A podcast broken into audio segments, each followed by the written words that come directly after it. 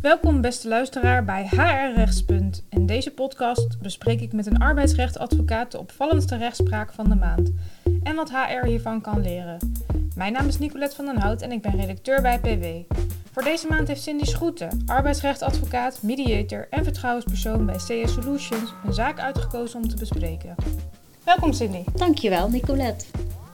Je hebt een uitspraak meegenomen waarbij een werknemer aan het reïntegreren was, wat uitmondde in een ruzie met de werkgever, waarbij mediation niet goed is ingezet. Ja. Vertel, wat is er gebeurd? Klopt. Nou, het is een, eh, een uitspraak van de kantonrechter in Maastricht. En eh, ik vond hem interessant omdat hij heel rijk is gemotiveerd. Er zit eigenlijk van alles wel in. Ik zal heel kort even de feiten schetsen. Het gaat over een eh, medewerker die werkte bij de front office, bij de universiteit.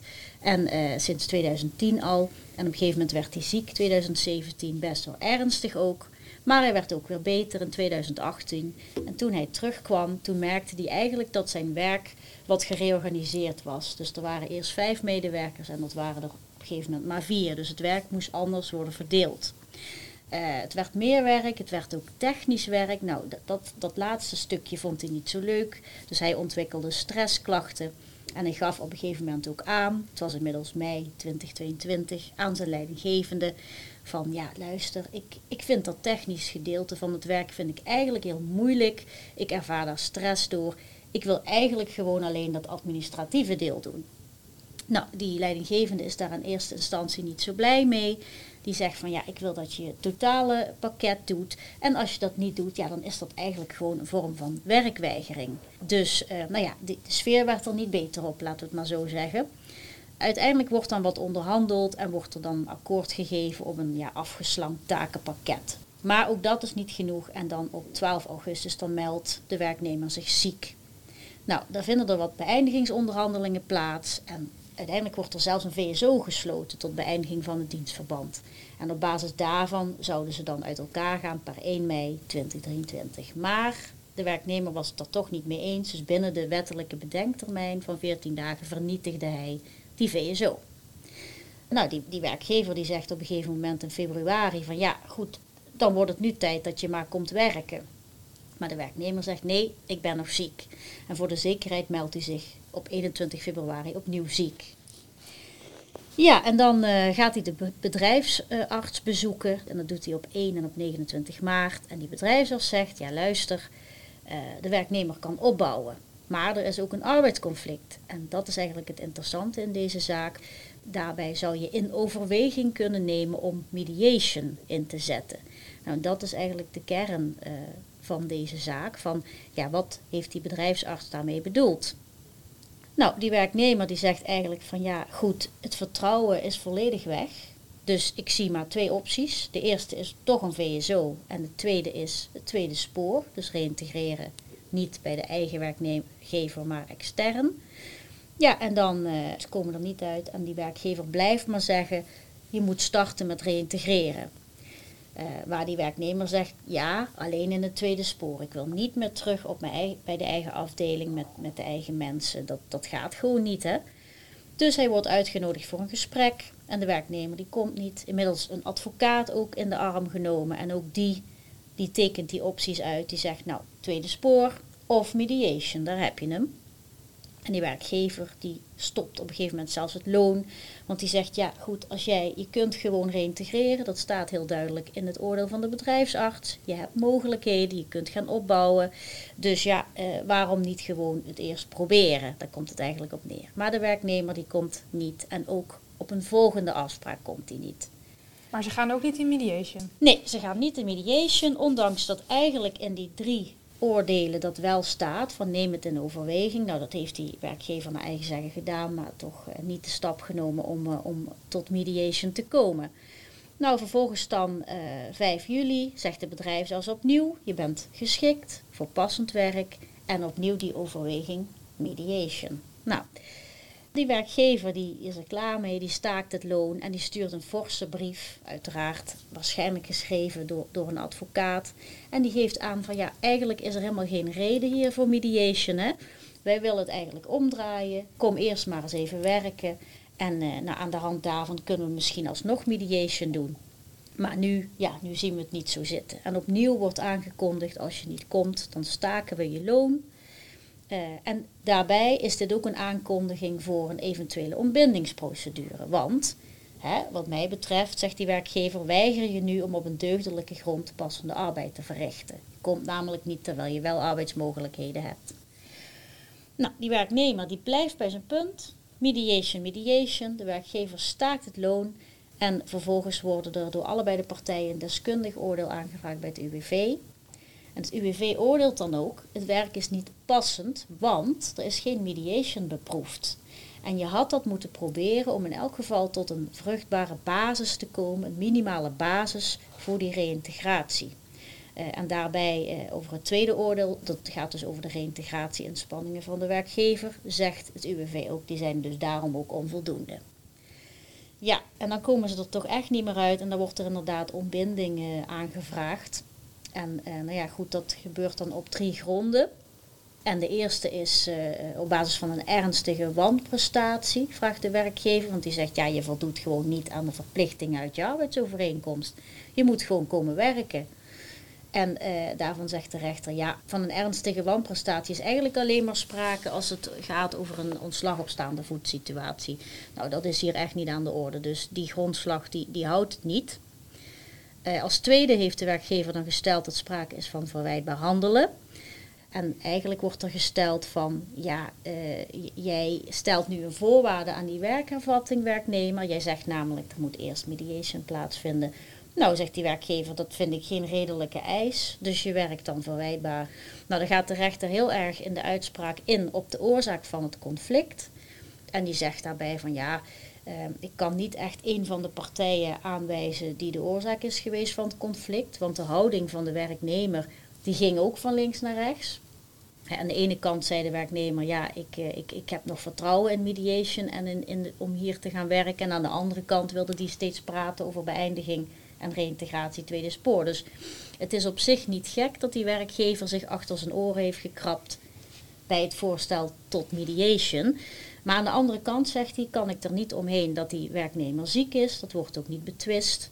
En dan kijk je naar de stekkerwerkwijzer bij arbeidsconflicten. Dat is eigenlijk een beetje de maatstaf die wordt gebruikt door verzekeringsartsen. Gewoon door de beroepsgroep uh, hoe te handelen bij een arbeidsconflict. Nou, dan zegt hij als ik kijk naar die werkwijzer, ik zie die oordelen van de bedrijfsarts, waar toch wel staat, neem mediation in overweging, deskundige oordeel. Ja, dan is het eigenlijk helemaal niet onredelijk dat die werknemer zegt, ik wil eerst mediation en daarvoor wil ik hervatten. Dus van verwijt behandelen of nalaten is volgens die uh, rechter ook geen sprake. Dus ook daar sneuvelt het ontbindingsverzoek op. Nou, wat gebeurt er uiteindelijk? De kantonrechter die ontbindt toch op basis van de derde grondslag, namelijk de verstoorde arbeidsverhouding. Er was namelijk al zoveel tijd verstreken tussen het moment waarop die werknemer eh, was uitgevallen en gestopt met werken uiteindelijk en het ontbindingsverzoek dat niemand meer vertrouwen had. Die arbeidsrechtelijke navelstreng moest worden doorgeknipt. Zoiets staat er eh, in de uitspraak. Uh, nou ja, die werknemer die had ook nog gevraagd um, van ja, als, als er dan wordt ontbonden, dan wil ik graag een billijke vergoeding. Want er is hier toch echt wel sprake van ernstige verwijtbaarheid uh, door die werkgever. Eigenlijk is het gewoon volledig zijn schuld dat we hier nu staan. En dan zegt de rechter van ja, er zijn fouten gemaakt door die werkgever. Hè? Er is geen mediation beproefd. Het loon is gestaakt ten onrechte. Maar er is geen sprake van ernstige verwijtbaarheid. Dus die lat ligt echt wel, uh, echt wel hoog. Uh, maar ik zie ook wel dat jullie niet meer samen verder kunnen. Dus er wordt ontbonden per 1 februari. Waarbij dus de transitievergoeding wordt betaald. En ook nog het achterstallig salaris. Wat dus sinds juli afgelopen jaar was gestopt. Ja. En dat is nog niet alles. Want de rechter die, die kent ook nog de maximale wettelijke verhoging toe. Dus dat is 50% extra bovenop, uh, ja, dus eigenlijk de helft van het salaris extra als straf. Ja, dus die, uh, die werknemer uh, die kwam er uiteindelijk nou, best wel toch goed mee weg. Hè? Want je ziet ook best wel in de praktijk vaak dat mediation tactisch wordt gebruikt. En of dat hier het geval is, ja, dat laat zich natuurlijk raden. Maar het feit dat er zo vaak is onderhandeld en het steeds niet genoeg was voor de werknemer, ja, geeft wel te denken dat het Ja. misschien wel eens ook een strategisch middel eh, geweest zou kunnen zijn. Alleen ja, als je ziet hoe een rechter daar dan toch naar kijkt en, Ja. en wat belangrijk wordt gevonden, ja, dan is het wel belangrijk dat je in ieder geval de bedrijfsarts het oordeel daarvan goed bekijkt. En als het niet duidelijk is, dat je dan navraag doet. En want dat is dat ook meteen de tip wa- wat HR daarvan kan leren. Ja, ja, dat is wat mij betreft de tip. Hè. Ehm, bedrijfsartsen zijn er in veel soorten en maten. De ene is wat duidelijker dan de andere natuurlijk. En eh, nou ja, ik kom het heel vaak tegen in de praktijk dat je dan toch iets van een, een algemene bewoording of een term van wat is dat nu in overweging geven. En als dat tot drie keer in het oordeel staat, ja, ik denk dat je dan wel als werkgever verheldering mag vragen. Dus ik adviseer dan ook, ga nu niet zelf invulling geven aan wat daar staat. Maar vraag concreet per mail of bel hem op. Of hè, wat, wat heeft u daarmee bedoeld?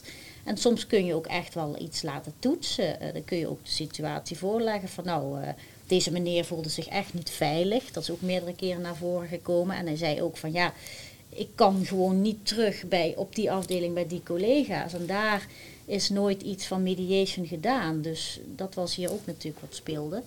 Ik denk dat hier de werkgever echt wel veel dingen volgens het boekje had gedaan. Hè. Ook als je zag hoe iedere keer eh, het staken van het loon als penalty werd aangekondigd vooraf, zodat die werknemer nog de kans had om, om wel te verschijnen. Eh, dus dat is allemaal netjes gedaan in een, in een tweetrapsraket. Dus eerst aankondigen loonstop, nou komt hij niet, dan vervolgens ontslag, ook nog aangekondigd.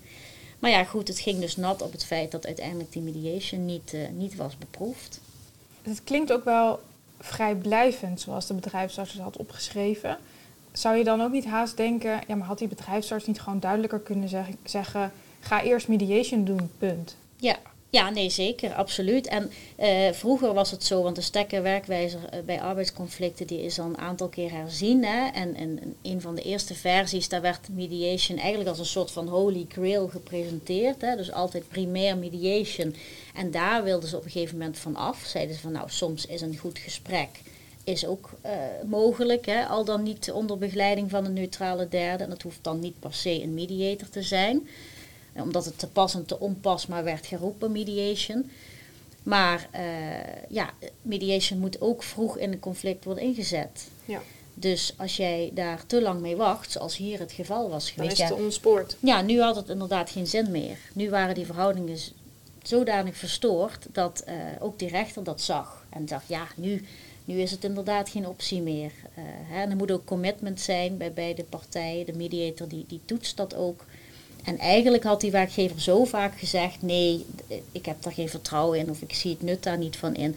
Dan kun je je ook afvragen, als die wel aan tafel was gekomen, hoe serieus was die dan? Maar dan had hij in ieder geval het geprobeerd. En dat, eh, dat was hier het probleem, dat, dat er geen enkele poging was gedaan.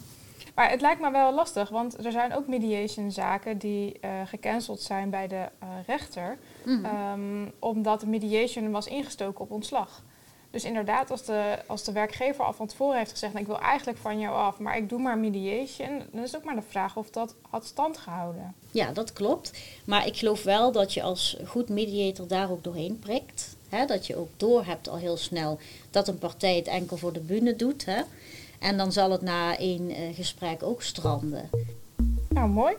Dankjewel Cindy voor deze duiding en tips. De volgende aflevering komt 27 maart uit.